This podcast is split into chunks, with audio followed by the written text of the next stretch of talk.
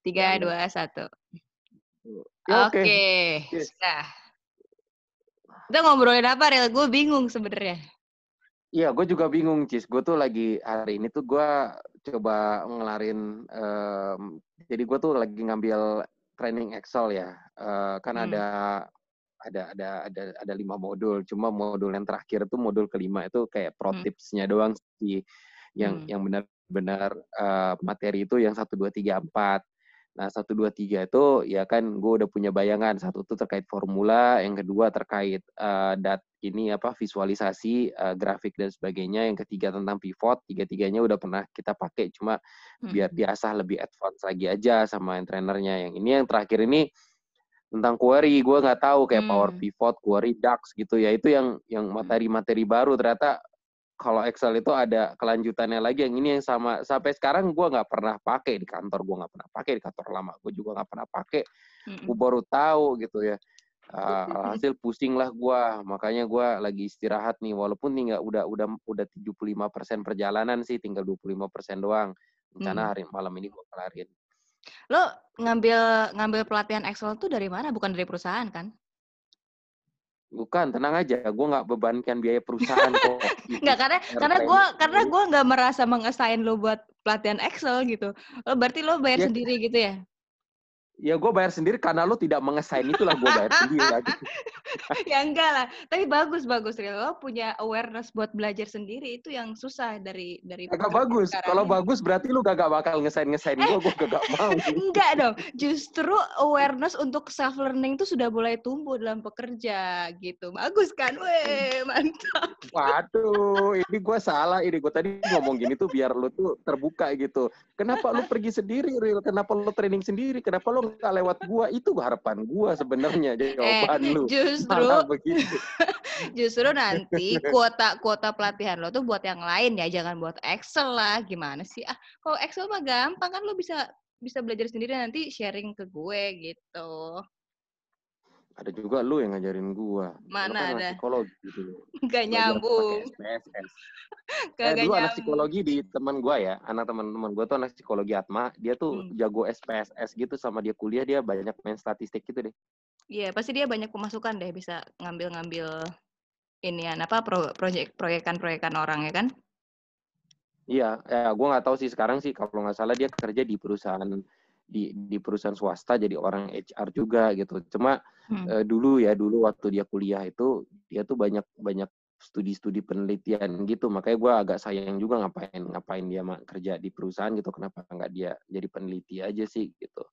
Ya Ya mungkin passion. apa Mm-mm, ya kerja di apa misalnya kayak eh, konsultan gitu kan kan kepake Hmm. tuh ilmunya dia karena Hmm. dia waktu di kampus dia kayak neliti gitu dia punya berapa sampel ya Allah pakai SPSS keluar lah gimana gitu ya gue juga udah lupa Iya benar-benar.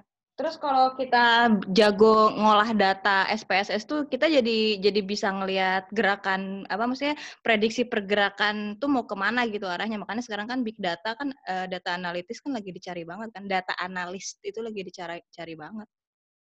Betul betul Mm-mm. itu juga sih berminat juga sih gue pengen belajar itu tapi gue kadang-kadang kepik masih kepikir kalau misalnya gue kerja di Hmm. konsultan gitu ya atau gue kerja di eh, perusahaan yang berbasis IT gitu ya mungkin mungkin ya mungkin kepake banget gitu tapi gua tapi sebenarnya di di di oil and gas juga kepake juga sih Eh, banget, kalau heeh. kalau- kalau- iya. Cuma gue belum belum belum kebayang aja gimana memakainya aja gitu kalau tapi kalau kita lo search YouTube gitu ya big data in oil and gas itu keluar sih gitu pop upnya keluar keluar nanti itu Sebenarnya mungkin bisa aja real dicari, apalagi lo OGM kan. Sebenarnya kita bisa ngelihat prediksi data lima tahun terakhir lah misalnya kan arahnya si ICP misalnya, terus arahnya produksi kita, arahnya reserve to production itu kan bisa kita lihat kan sebenarnya. Jadi memang akan selalu menurun sih pasti tapi nah tapi kita jadi bisa ngeliat peluangnya kita sebenarnya eh, harus meningkatkan apanya gitu meningkatkan tadi eh, produksinya enggak atau menurunkan cost-nya atau apanya. Sebenarnya kan arahnya data itu cara kita membacanya aja kan. betul betul mm-mm. ya itu dia makanya eh, sebenarnya pentingnya data scientist itu kan uh, sebenarnya mereka yang bisa bisa data analitik, data data analis, data analitik itu kan mereka yang uh, menganalisa data dari yang history, bagaimana ke depannya, feature-nya seperti apa. Itu hmm. di kita sebenarnya kepake banget apalagi kalau dia mungkin punya background petroleum engineer jadi dia tahu kan subsurface-nya gimana gitu bawah. Hmm. Nah, itu tapi ya itu yang yang yang gue sih sampai sekarang masih belum nemu dan menurut gue harusnya sih kita udah mulai ke sana gitu. Harusnya ada, harusnya ada posisi itu sih harusnya. Jadi kita kok nggak ada ya position of data analyst di hmm. IT atau di GGRP gitu misalnya. Iya, iya. Coba tanya Dina deh. Next time kita ajak Dina di podcast. oh, iya, iya, iya. Mungkin nanya ke, ya betul Ode sih, betul, betul. betul.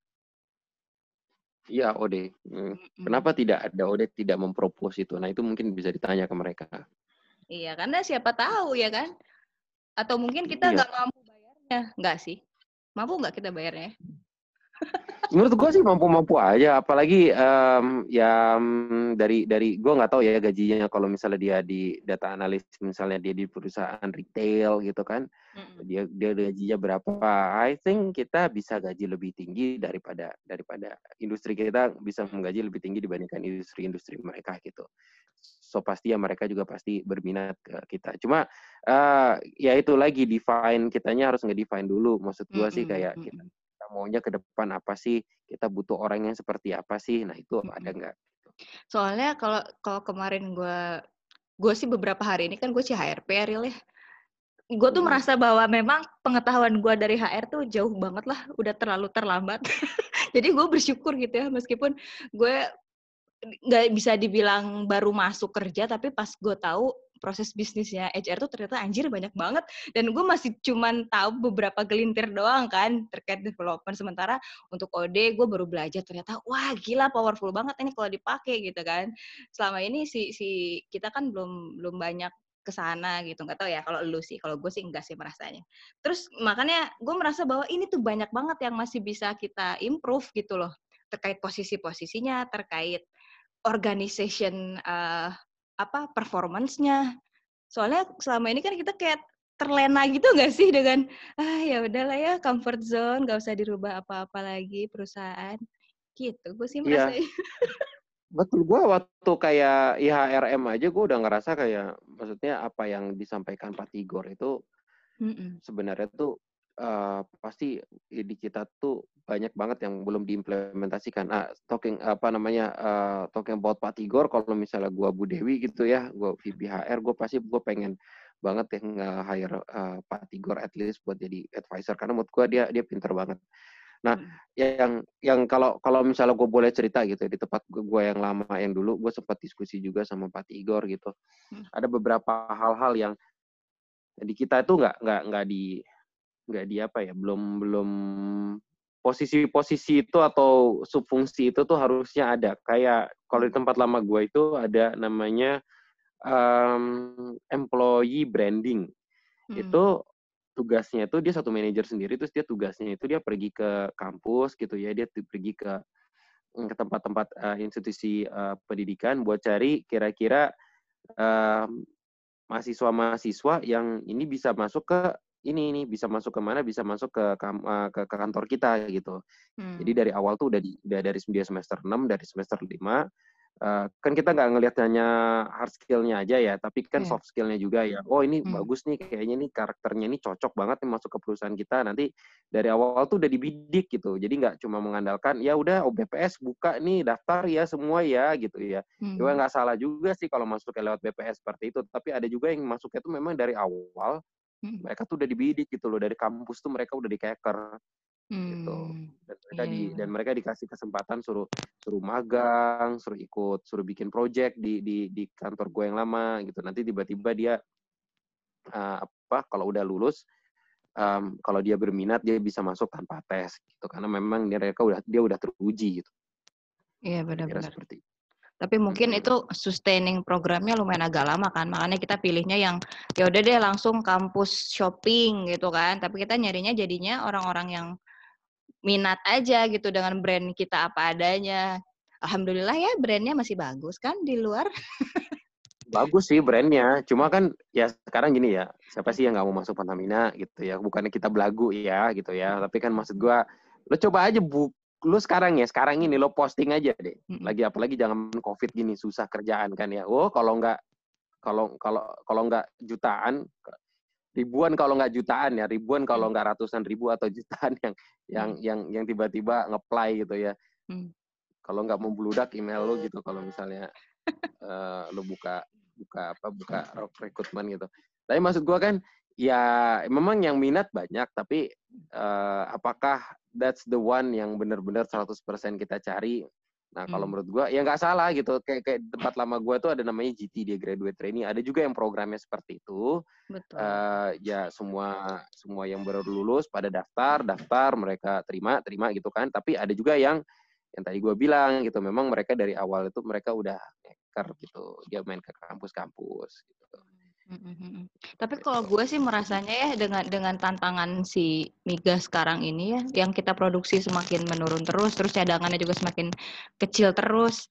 Kalau gue sih nggak tahu ya kalau lu ya. Kalau gue sih mikir kayaknya kita tuh lebih enak nge-hire yang udah jadi sekalian gitu loh, experience hire. Terus yang kita kalau berani memang kita harus taruh di posisi-posisi strategis yang memberikan perubahan gitu gue gue gue sih iya, kayak gitu kan karena karena kalau enggak kalau kita ngebentuk lagi dari awal oke okay lah oke okay lah lo bilang nanti dia jadi kader ke BPS gitu kan. Nanti dia bisa tahu proses bisnis yang meluruh. Tapi kan anak zaman sekarang tuh sebenarnya udah nggak nggak tertarik gitu loh dengan bisnis ini. Nggak tahu mereka tuh mungkin kalau menurut gue lebih tertarik sama entrepreneurship sama startup ya. Karena sekali masuk juga gajinya langsung jeder. Tapi gue kemarin tuh ya, Cis ya hmm. ikut ikut ini loh. Jadi di grup um, di grup IKT Sakti gue tiba-tiba dia ngepost uh, terkait uh, jadi kayak uh, webinar juga gitu. Hmm. Um, itu um, berisi, tapi sebenarnya audiensnya yang diharapkan memang fresh graduate sih memang. Cuma karena karena karena karena dari jurusan gua, jadi yang bikin acara itu alumni gitu. Ya udah kan ya udah gue ikut aja gitu. Pala gue tahu itu audiensnya sebenarnya eh, harus lo tuh masih suka ngumpul-ngumpul ini ya? Masih suka ngumpul-ngumpul uh, kampus alumni gitu ya Hmm, jarang sih. Gua kalau gue jarang, nggak tahu kalau teman-teman gue sih mungkin sering ya, tapi kalau gue jarang. Hmm. Tapi uh, waktu itu karena memang ada tapi gue ikut di grup dan waktu itu ada acara itu. Jadi gue tuh hmm. pengen pengen pengen coba aja join lah karena waktu itu nggak ada nggak ada nggak ada aktivitas juga kan gue hmm. dan gue pengen tahu adik-adik gue di bawah ini sekarang tuh minatnya dia ke mana gitu. Nah, ternyata pas itu pas di pas di broad pas disuruh nulis gitu kan di di aplikasi ayo nanti tulis ya buka buka link ini uh, tulis nanti kalian uh, perusahaan idaman itu di mana padahal itu sebenarnya yang ikut mungkin hmm. Gen Z semua gitu ya yang yang baru-baru lulus ya. Hmm, hmm. dan surprisingly ya surprisingly Pertamina Schlumberger nggak jauh-jauh juga cis dari dari dari jawaban kita dulu gitu Oh ya? Cuma mereka ditambah BCG hmm. gitu ya, ditambah hmm. mungkin ada beberapa perusahaan IT, tapi gue nggak nemu hmm. juga. Tapi tetap yang paling gede itu, yang tulisannya paling gede itu ya Pertamina sama sama selam bersih gitu. Nggak oh, jauh ya? masih masih nggak jauh-jauh dari oil and gas itu. Hmm. Jadi gue bingung juga, wow gitu, hmm. surprise gitu ya. Mungkin nah, mungkin Jadi, ya. Uh, kalau kalau gue sih merasa kayak kenapa Pertamina? Mungkin karena BUMN satu. Kalau BUMN kan sudah jelas ya uh, mereka berpikir kayak oh settle nih jelas ke depannya. Eh mereka tidak tahu bahwa eh udahlah jadi bahas. Terus pertama yang mana dulu nih gitu kan. Terus uh, kalau selam bersih ya karena memang lapangannya juga seluruh dunia ya. Tapi gue bingung kenapa nggak ada hmm. total ya di sana ya? Atau chevron? Ada juga? Uh, nggak nggak ada sih ya tapi yang gue ada mungkin mungkin namanya nggak ring bell aja kali ya walaupun hmm. ya di antara kita kita tahu gitu ya karena kita hmm. praktisi di oil and gas company tapi mungkin buat hmm. buat yang baru baru lulus mungkin hmm. yang namanya lebih menggaung buat mereka mungkin ya tetap aja Pertamina selam bersih gitu kan ya nggak hmm. kerja di mana nggak ternyata hali karena karena bukan hali Burton gitu kan ya bukan bukan Baker tapi tetap aja hmm. selam bersih yang namanya hmm. tetap tetap itu tapi kan maksudnya gue pikir tuh dia bakal uh, startup company gitu ya, yeah, yang, Gojek yang, gitu. lebih, ya, ya Gojek gitu kan ya. Tuh, ternyata, oh, iya kok ternyata masih oil and gas juga gitu yang yang namanya tuh masih hmm. masih harum gitu di situ. Tapi ya itu dia sih Cis. Uh, hmm. Kalau gue sih uh, ya balik balik lagi kan mereka kan milihnya itu. Tapi kalau hmm. kita nggak nggak nggak update gitu dengan dengan dengan dengan kondisi sekarang kita nggak bisa membuat rumah yang bagus gitu ya untuk untuk Gen Z, untuk untuk Gen Hmm. millennials. Ya pastinya sampai pas begitu masuk mereka pasti akan akan nggak betah juga gitu. Iya benar-benar. Sebenarnya Mm. mungkin kelihatan seksi di luar gitu loh. Tapi Betul. belum tahu pas mereka da- ke dalam tuh, wah ternyata seperti ini ya kehidupan korporat kayak gitu. Makanya kita memang ke- kewajiban kita yang mengubah eh, image yang udah kita ketanam di dalam tuh menjadi enggak kok. Sebenarnya Pertamina itu masih bagus kok, masih developmentnya masih bagus, produksinya masih bagus, masih menjanjikan lah gitu. Tapi soalnya ya Betul. ya, turnover ratio tuh naik terus tiap tahun. Berarti maksudnya? kan turn turnover ratio. Iya. Iya. Betul. Kan kemarin gue ikut audit eh, ini kan, ya menjadi salah satu ininya lah timnya. Kalau kita lihat turnover ratio ya memang naik, tapi kan ya banyak hal lah yang yang mendasari itu. Ada yang pernikahan sesama Pertamina, tapi sekarang udah boleh ya. Terus ada yang emang keluar dapat eh, penawaran baru karena kalau di migas itu satu-satunya cara buat naik eh, karir yang cepet katanya sih memang hijack hijackan Oh ya gitu ya? iya bener nggak ada lagi kita mau nyari nyari source eh, SDM yang bagus di mana sih ya pasti orangnya kan sekelilingnya itu itu lagi real networking tuh penting Iya sih. Iya betul betul. Hmm. Networking iya ya. Ya kalau di oil and gas ya ujung-ujungnya ya di oil and gas juga sih kalau mau keluar ya benar juga kata lo mau ke mana lagi kan karena kan udah spesifik banget ya gitu ya. spesifik banget heeh. Even Iya, even lo di HR-nya oil and gas, mentok-mentoknya lo ke HR-nya oil and gas juga, lo ke BP, lo ke ConocoPhillips, kayak Mas Adit gitu kan. Iya, Udah. iya. Iya, bahkan malah kalau gua gua masuk ke startup nih misalnya HR-nya mungkin akan berbeda banget culture-nya. Gila, beda banget pasti. gitu. Iya. Tapi gue kadang-kadang juga penasaran deh, gue tuh, gue jujur ya, dulu tuh, Hmm. eh gue inget banget, gue tuh, gue lulus kuliah tahun 2009, Hmm. waktu itu gue ikut kursus dulu, gue cari cari ilmu-ilmu di luar kampus gitu kan. Eh gue emang waktu itu sambil sambil cari kerja, jadi kalau ada yang kalau ada yang seksi gitu baru gue ambil, tapi kalau nggak ada yang seksi gue nggak ambil gitu kan. Kalau gue lebih bar baik, lebih baik gue cari ilmu dulu lah. Gitu. Hmm. Ya sayangnya ternyata eh yang yang yang seksi nggak ada yang nyantol di gue gitu. gue baru tahun Early. 2010. Iya, tahun 2010 gue baru kerja gitu. Dan, dan dari tahun 2010 sampai gue udah kerja di perusahaan rokok, lumayan lah perusahaan rokok terbesar di di di Indonesia dan holdingnya juga perusahaan rokok terbesar di dunia gitu. Wih, Nah terus uh, nah, ya ya terbesar di dunia soal gaji sih mungkin yang nggak paling gede ya tapi tapi Terus kalau lo, dari lo kenapa price, memutuskan keluar? ya kan gue bilang gaji nggak paling gede kan better Oke. over Balik lagi Ya, ya. Mm-mm. balik lagi ya tapi gini maksudnya gue waktu itu cis ya 2010 sampai 2012 tuh sampai gue diterima di uh, Pertamina EP gue tuh kerjanya keliling gue Hmm. kerjanya gue coba lamar ini lamar ini lamar sini gue waktu itu kerja di Surabaya gue inget banget gue ditelepon mas dites mas di GMF Garuda waktu itu GMF Aero Asia oh iya ya udah eh, saya kapan tesnya? Besok. Wah mas saya lagi di Surabaya minggu depan boleh nggak ada yang ada batch berikutnya nggak? Saya ikut batch berikutnya aja. Wah nggak ada mas cuma ada besok mas. Ibu pikir gila loh pagi-pagi ditelepon gitu kan ya. Eh, hari Kamisnya Jumatnya gue disuruh tes ya udah akhirnya gue gua pulang gua gua dari gua gua untung lagi jalan ke pabrik tuh dari jalan ke pabrik gue minta izin gue cepat pulang pokoknya hari ta- tang- jam jam jam kira-kira jam 6 itu gue langsung ke bandara Juanda gue cari tiket waktu itu Hmm. gue nggak pikir panjang gue beliin macalo waktu itu Oh ya? Lion Air 1,3 juta sekali jalan sekali jalan 1,3 juta loh bandingin waktu itu Lu lagi di mana dulu? Surabaya Oke, Surabaya mau ke Jakarta. di di Surabaya.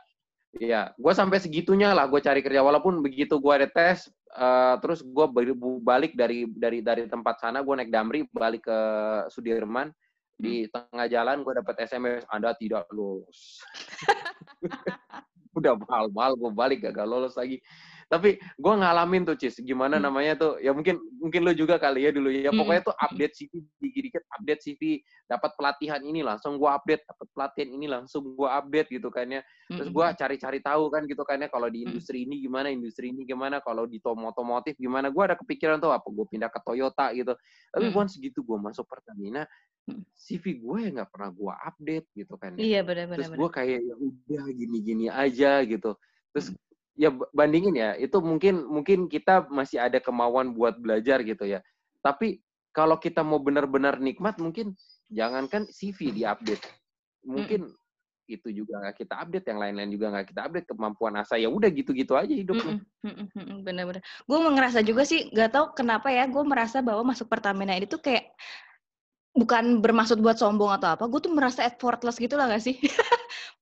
Justru effort yang paling gue keluarin itu sebelum-sebelumnya kayak gue pernah mau masuk ODP-nya mandiri, terus gue masuk total juga, malah di sana tuh kayak yang lebay banget gitu interviewnya pakai bahasa Inggris lah, apalah inilah, terus karena mungkin Pertamina juga prosesnya lama kali ya, lama jadi gue kayak yang udahlah, nothing tulus lah.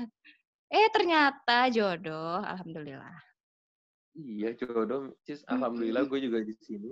Iya. Jadi uh, gue sampai dulu bilang sama kalau ada teman-teman gue gitu ya ngomongnya, oh masuk pertam masuk Pertamina real ya, wah pinter banget lo ya gitu ya tesnya susah banget. Gue kan dulu tes sama ikut juga tes Pertamina susah banget.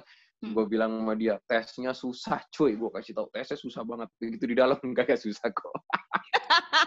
Aduh, susah juga loh. Susah juga mempertahankan produksi yang tinggi. Oh, kan, kan banyak lah.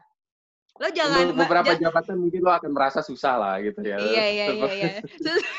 eh lo jangan jangan jangan membuat orang menjadi pesimis dong. Susah loh. Kita harus mempertahankan perusahaan ini beberapa tahun ke depan. Susah. Oh iya betul. Susah. Sebenarnya hmm. susah, sebenarnya susah. Tinggal kita mau bersusah payah atau tidak gitu ya. Iya betul Benar. betul. Kalau gue masih mau real, gue masih mau. Lo lo gimana real melihat Kalau melihat lima tahun 10 tahun ke depan masa depan migas Indonesia asik. Kalau gue masih mau menurut gue um, ya gue sih ini ya uh, optimis lah sama sama sama sama Pertamina. Gue optimis sebenarnya. Selama kalau manajemennya bagus sih ya pasti pasti pasti pasti selalu inilah selalu apa uh, bagus kita Mm-mm. Cuma itu aja kalau gue pikirnya sih, uh, ya kan kita ada NRI kan sekarang kan anak perusahaan yang baru kan, mm. yang untuk energi terbarukan. Yeah. Ya gue juga berharap itu juga maju sih. Jadi nggak cuma oil and gas doang yang dimajuin, yang yang energi terbarukannya juga maju gitu. Jadi, jadi jangan sampai um, jangan sampai kita cuma fokus di oil and gas, sedangkan yang energi terbarukannya kita lempar ke yang perusahaan lain gitu. Nanti iya, malah swasta-swasta kan nanti yang di situ. Nah, mendingan kita juga yang tepat lain itu ya juga juga dikuasain. If kalau memang nanti katakanlah oil and gas nggak seseksi renewable energy gitu kan ya, at least renewable energinya juga punya Pertamina. Mm -mm. Atau enggak punya perusahaan BUMN lain kayaknya sih. nah, gitu. Tapi tapi kita yang maju kan, kita kan kan di subholdingnya kan NRE kan, yang, mm -mm. yang power itu, power yeah. dan NRE. Ya makanya kenapa kita kemarin dibentuk holding subholding kan sebenarnya buat mengakomodir uh, apa sumber-sumber energi yang lain biar disatuin gitu kan, biar lebih optimal. Ya. Nah itu itu. Cis, gue mau nanya nih Cis ya, uh, hmm. menurut lo nih bagi adik-adik kita yang masih uh, kuliah gitu ya, hmm. uh, itu perlu nggak? Uh, menurut gue lo ini ini banget nggak? Uh, kalau misalnya mereka mau ke Pertamina hmm. lo dukung banget dukung lah jelas lah. Dukung. Kita butuh energi-energi baru pemikiran-pemikiran baru yang nggak konvensional. Apalagi sekarang dunia lagi berubah banget berkembang banget pasti gue dukung. Masalahnya sekarang ada nggak rekrutmen baru Nah, itu gue tuh gitu. kasihan sama yang sekarang uh. sekarang nih sih mm -mm. ya. Mm -mm. Cuma kemarin tuh sebenarnya gue sempet ngomong kan sama Bu Ibet kan, Bu Ibet ada kasih mm -hmm. uh, itu apa tugas akhir sama TA, ini teman mau tugas akhir sama TA. Yeah. Eh, tugas akhir KP sama TA, tugas akhir mm -hmm. TA bedanya. Terus KPT oh KPTA nggak ada mas itu mm. iya nggak ada mm. gitu kan Mm-hmm. Dalam hati gua, wah gila nih anak-anak sekolah yang kuliah zaman sekarang gimana gimana mau tugas akhir, gimana mau kerja mm. praktek pada tutup gitu kan ya. Mm-hmm. Kita tidak menerima lagi. Kalau dulu kan kita masih terima ya KPTA kan gitu kan, mm-hmm. walaupun internship ya lo apa BPS itu ya nanti dulu, mm-hmm. itu kan dipegang yeah. sama Persero tapi at least KPTA masih jalan gitu loh. Nah ini kan. KPTA udah nggak jalan nggak jalan lagi sama sekali gitu. Jadi Kasihan sebenarnya di Sebenarnya ini kan ini nyambung sama lagi pandemi aja sih real. Kenapa kenapa sih gerbang KPTA-nya ditutup? Karena memang kita belum siap untuk menerima orang lain. Nanti prosedur masuknya agak susah. Harus rapid test dulu lah terus monitoring shiftnya susah gitu kan. Jadi ya perusahaan mungkin akan susah mengambil resiko itu. Tapi kalau dari dari gue pribadi nih ya dari gue pribadi kalaupun orang itu mau KPTA asalkan dia punya uh, list of activity yang jelas yang bisa dilakukan secara online, why not? Itu yang dipropos justru ke perusahaan. Harusnya ya, karena jadi kita juga jadi oh oke okay, memungkinkan ya ternyata misalnya KP di OGM hanya dengan online Zoom misalnya atau online MS Teams. Nah, sekarang kan masalahnya belum ada nih prosedur-prosedurnya. Jangankan ini KPTA deh, orang menteri pendidikan aja sekarang susah kan mikirin mikirin pembelajaran online gitu makanya uh, apalagi ini KPTA yang sebenarnya tidak mendukung secara langsung bisnis perusahaan tapi kalau dari gue sendiri dari gue sendiri dari HR sendiri kalau itu bisa meningkatkan values-nya mahasiswa tersebut buat nyari kerja sih pengennya kita bantu gitu. Cuma karena lagi kondisi pandemi gini aja sih real jadi susah. Itu dia, makanya mm-hmm. uh, di pada kondisi begini, apakah hal yang tadi yang ter, uh, yang yang lo bilang tadi itu um, tidak bisa dilakukan mm-hmm. gitu loh, yang yang dia dengan oh, dia bisa minta datanya langsung dengan email gitu kan ya ke pekerja yang bersangkutan, terus mereka olah, mereka presentasi lewat Zoom. Hmm. Nah, hal-hal semacam itu apakah tidak bisa dilaksanakan? Kalau misalnya bisa dilaksanakan kan enak ya gitu. Jadi dibuat aja gitu kan peraturannya silakan KPTA tapi begini loh kalau lu nggak bisa begini ya lu jangan KPTA jadi yang bisa dilaksanakan adalah yang di mana datanya itu tidak harus terjun langsung tapi kalian bisa tanpa ke kantor kayak gitu iya nah, at least mungkin... mereka bisa lulus lah gitu loh Untuk untuk yang hal yang kayak gitu mungkin kita bisa akomodir ya. Cuman kan nggak semua judul tugas akhir sama kerja praktek itu bisa kita akomodir dengan online kan. Kayak misalnya nih, aduh di di HC deh. Kemarin ada temen gua uh, bimbingan mahasiswa bimbingan gua di bawah. Dia bener-bener ngambil tentang training and development. Nah, di situ kan susah banget nih kalau gua nggak ngejelasin tentang uh, apa ya? Itu kan bener-bener administratif banget nih, real dia harus nungguin kelas, terus dia tahu gimana cara ngebuka kelas, dia tahu cara berbicara di depan kelas kayak gitu-gitulah intinya. Itu tuh yang susah banget, makanya sampai sekarang dia juga magangnya tuh by online, terus gue monitoringnya juga kayak e, tolong ya ini uh, benerin data Excel pivot data. Jadi hanya sebatas itu gitu padahal sebenarnya cycle-nya training tuh banyak banget gitu nggak cuman data Excel doang gitu. Menurut gue sih sayang aja tapi mungkin bisa, mungkin bisa, mungkin bisa sih kalau di OGM atau di tapi gue kalau kalau nge-share data perusahaan kan pasti ada aturannya juga sih real, nggak gampang sih. Takutnya dia membawa iya. data perusahaan. Mm -hmm. Mm -mm. Ya, ya makanya kan, ya mungkin kan kebijakannya kan tetap jalan lah. Mungkin ya dia harus tanda tangan apa ya, tetap kita laksanakan walaupun tidak tatap muka gitu. Ya kita bisa kirim suratnya atau apa gitu. Maksud gue tuh mungkin ya gue kasihan aja sih maksudnya dengan kalau misalnya semua perusahaan ya nggak semua Pertamina doang gitu ya tapi perusahaan-perusahaan lain pun memperlakukan hal yang sama terutama mungkin untuk anak-anak teknik perminyakan kan mereka mau ke mana lagi kan untuk tesisnya kalau mungkin anak psikologi ya gue nggak bisa di Pertamina ya gue cari perusahaan lain aja gitu kan ya mungkin ada perusahaan-perusahaan manufaktur yang masih buka gitu kan hmm. ada gitu dia bisa bisa ke sana tapi kalau kalau kalau yang perminyakan yang memang benar-benar harus di industri yeah. migas kalau misalnya BP, ConocoPhillips, Exxon menerapkan hal yang sama atau bahkan lebih ketat gitu ya, hmm. ya akhirnya mereka mau di mana tugas akhirnya kan susah gitu. Iya sih. Oke lah, baik. Gitu. Terima kasih masukannya Kak Ariel. Saya akan iya, gitu karena follow up. Beda banget ini. Beda banget sama ini loh, apa kuliah kerja nata dan putus cinta gitu. Pada aduh, akhirnya saya merasa bahwa fungsi sosial network adalah sebagai teman berbagi gitu. Oh gitu. Jadi Oh, itu an- kuliah Iya, kerja nyata gitu. ya? Iya, kok ada angkatan ken- anak-anak gen millennials dulu masih bisa gitu ya kuliah kerja Heeh. nyata dan putus cinta. Nah, sekarang Lo ngalamin nggak, anak-anak Ril? Gen Z anak anak anak yang Gen Z itu hanya kuliah kerja mau kuliah kerja nyata aja susah gitu, apalagi putus cinta gitu. Mau Iya, kuliah kerja apa nyata yang mau diputusin ya? apa yang mau diputusin gitu. Oh, kita Hmm. masih ada gitu, walaupun gua nggak KKN. Nah, di tempat gua KKN tuh nggak wajib. Oh iya, di gue wajib dulu. Wah, menyenangkan sekali. Ya, di gua gua tidak wajib dulu. Nah, tapi teman-teman gua yang ikut KKN itu Mm-mm. pada pada pada pada ini pada cinta lokasi. Yes, termasuk dulu salah satunya mantan gua gitu. Aduh, gitu ya sih memang karena pasti pasti sih kalau menurut gue chance-nya untuk cinta lokasi itu pasti gede banget karena kita ketemu tiap hari orangnya itu itu aja di dunia yang terpencil ya udah begitu real jadi mungkin lo kalau mau me- me- mendapatkan insight eh, cinta lokasi mungkin harus ketemu dengan orang yang terpencil jauh eh orang terpencil daerah terpencil jauh dan sering ketemu. Lu mungkin nyuruh ya. gua ke Bunyu atau gimana sih sebenarnya? Lu nyuruh gua enggak. gitu ya. kan kan gak mesti ke Bunyu kan? Ke tempat lain kan bisa. Yang penting terpencil tiap hari ketemu dan Ya Eh. terpencil mana aja di tempat kita ya? Bunyu, ya kan ya Tanjung, apalagi Sorong, iya iya iya iya iya eh, enggak sih. Tapi lo gitu udah- kan. udah- Ya, udah jauh lebih pinter lah daripada gue lah untuk hal-hal kayak gitu ya Gitu.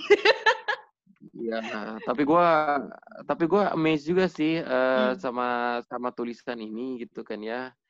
Eh, juga awe awalea aski koi yang Tulisan apa sih? KKN dengan perbincangan kita malam ini. Tuh. Hmm.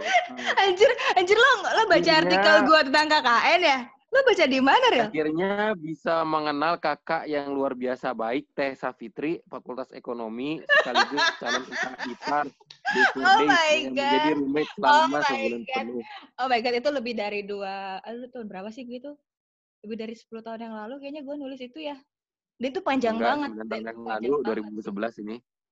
Iya kan Yang oh menjadi roommate selama sebulan penuh, sebulan penuh yang tak mengeluh sedi, sedi- mengeluh disibuki dengan barang-barang saya yang selalu saya keluhkan hilang. Miss you teh. Gitu. Lo sekamar cewek semua ya?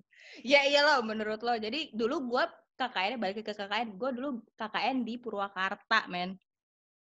Lo tau eh Waduk Waduk Jatiluhur? Di Oh tahu yang belakangnya Ah. ada gunung itu tuh ah, terus lo foto bareng-bareng kan di situ kan ada stand gitu kan di pasir. Jadi dulu gue jauh lebih tahu sate Marangi di di Purwakarta daripada sekarang. Gue udah tau dari lama. Wah senang banget gue tuh KKN asli. Dan memang membuka pengetahuan yang sangat banyak dari sisi pertemanan dan percintaan real bener real. Kok gue S2-nya nggak ada KKN ya? Nggak ada karena S2 kan lebih bukan fundamental lagi, udah lebih apa itu ya? Hmm. udah tinggi lah, udah level tinggi lah kompetensinya. Kalau KKN tuh tujuannya kan itu apa berbakti kepada masyarakat, sementara kita malah meributkan masyarakat. Aduh seru banget. Ih, kenapa kita jadi bahas KKN sih? Lo iseng banget lagi kepo-kepoin. ya? Terus nggak ada yang Ah, kesurupan ya? sempet ada cerita tapi sudah ya tidak usah kita tidak usah kita bahas lagi. Kenapa? Jangan lu yang kena. Bukan enak aja, enak aja bukan bukan. Itu di di desa sebelah, desa sebelah. Oh, KKN desa penari. Iya makanya lo nggak ada yang nari-nari gitu di tempat lo ya? Gak ada, gak ada, gak ada. Alhamdulillah aman, sentosa, sejahtera. Terus deket dan gak terlalu jauh dari Bandung juga, jadi sempet beberapa kali bokap gue ngedatengin gue gitu di sana, bawain makanan. Ah, Lucu iya. bukan? Iya, kan namanya juga anak Nah, gua papa. sebenarnya yang gua kepoin bukan itunya, gua lagi kepoin tuh teman-temannya Liris, Kinasi gitu loh. Iya, hai Terus- Liris. Siapa lagi? Nah, gue kepoin ini lagi siapa Ah, Liris kayak udah ada cowoknya, Anissa Deis Rahmania. Anissa Deis baru kawin. Anissa Deis baru kawin, Pramudia Hmm. Wisnu Patria Anjir, nggak ada udah nama anak itu. ya. Kenapa ada nama itu? Lah dia too much egocentric to fucking two years. Kurang S bilang. Waduh, years, ini, years. ini gimana ya cara gua cara gua ngesensor di podcast ya? Kayaknya nggak bisa deh. Kayaknya nggak bisa. Ya udah, Po. Ya udah itu aja apa namanya? iya iya iya. Iya apa halo. aja iya halo. Halo terus Talita? Putrianti. Oh, nah ada tuh temen gua. sendiri. enggak enggak enggak cowok Oh, itu udah eh, eh, udah jadi mama. itu kayak teman-teman kampus gue Ah. semua yang gue sebutin. Iya iya iya. Aduh, ayah, ayah, ayah, Ani. Mardiani itu Ani, Ani Mardiani itu.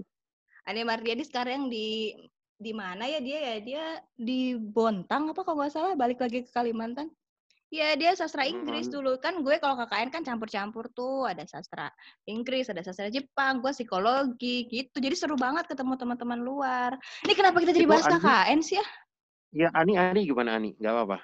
Eh dia udah punya anak ngaco ya nggak apa-apa Ya udah terakhir nih. Jan Dena Puja Kesuma. Nggak bisa juga. Ya semuanya udah taken Daryl.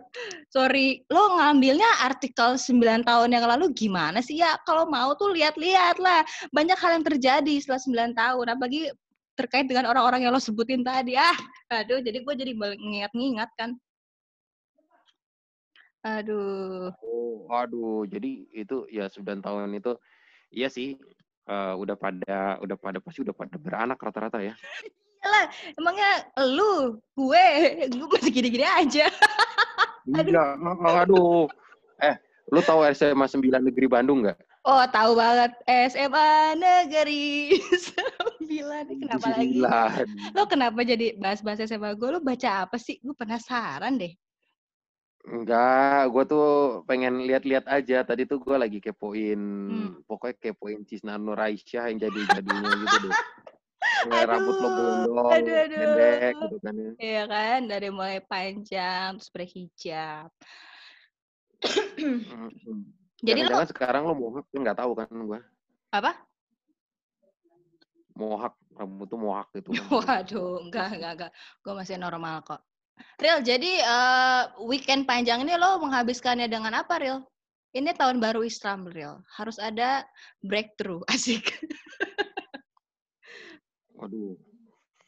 Jangankan tahun baru Islam, tahun baru Masehi aja kemarin gua gak ada breakthrough.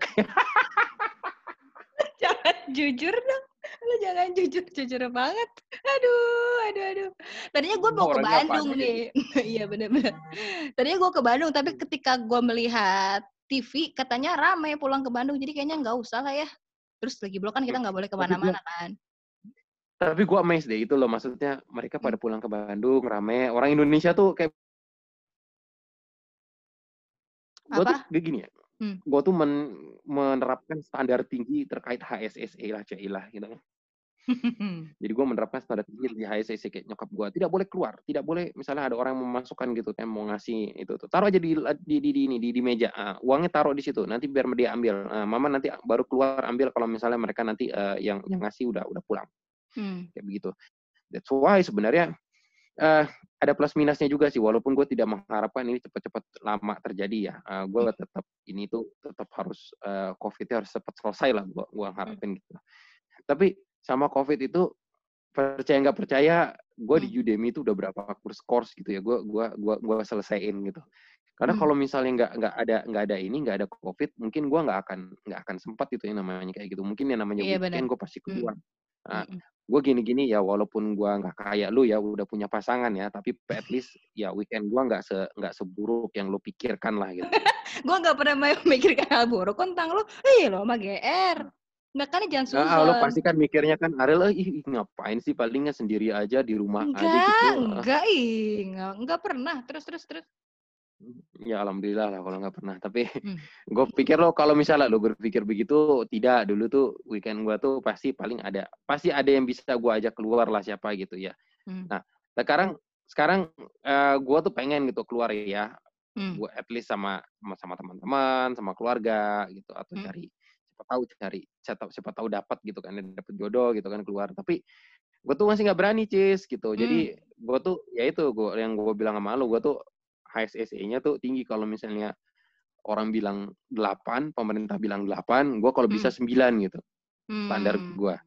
Mm-mm, mm-mm. Jadi eh, jujur aja sih sama pandemi ini gue nggak ke mana-mana gitu gitu. Jadi ada kemarin cewek gitu ya dia juga lumayan lah kita dekat sama gue ngobrol-ngobrol bla bla bla bla gitu. Terus dia "Eh, keluar dong, ayo ketemuan dong. Gue bilang nanti aja habis covid ya elah habis covid mah kapan lama banget ya udah sih hmm. dalam hati gue ya udah kalau lo mau tungguin kalau enggak ya nggak jodoh susah amat. Betul betul betul. Safety first. Iya. Betul. Safety first uh, uh, ya itu gue juga kadang-kadang kesel kan oh, lu ke mana sih hari ini? Gitu kan ya. Gue lagi pergi lagi pergi kayak gini. Ya hmm. mana kayak ini aja kayak kayak nggak ada apa-apa aja pergi-pergi mulu iya benar-benar. Soalnya mungkin ada orang-orang tertentu yang nggak bisa setahan itu sih real. Kalau gue sih sebenarnya bisa karena gue anak rumahan banget ya. Gue sama suami gue bener-bener rumahan banget. Jadi kita bisa literally satu hari nggak ke mana-mana sampai bahkan ke depan depan rumah, ke depan komplek aja kita tuh males mager emang emang bisa gitu kita. Tapi ada yang nggak bisa sama sekali. Kayak nyokap gue tuh, aduh mama, bener-bener ya itu mah.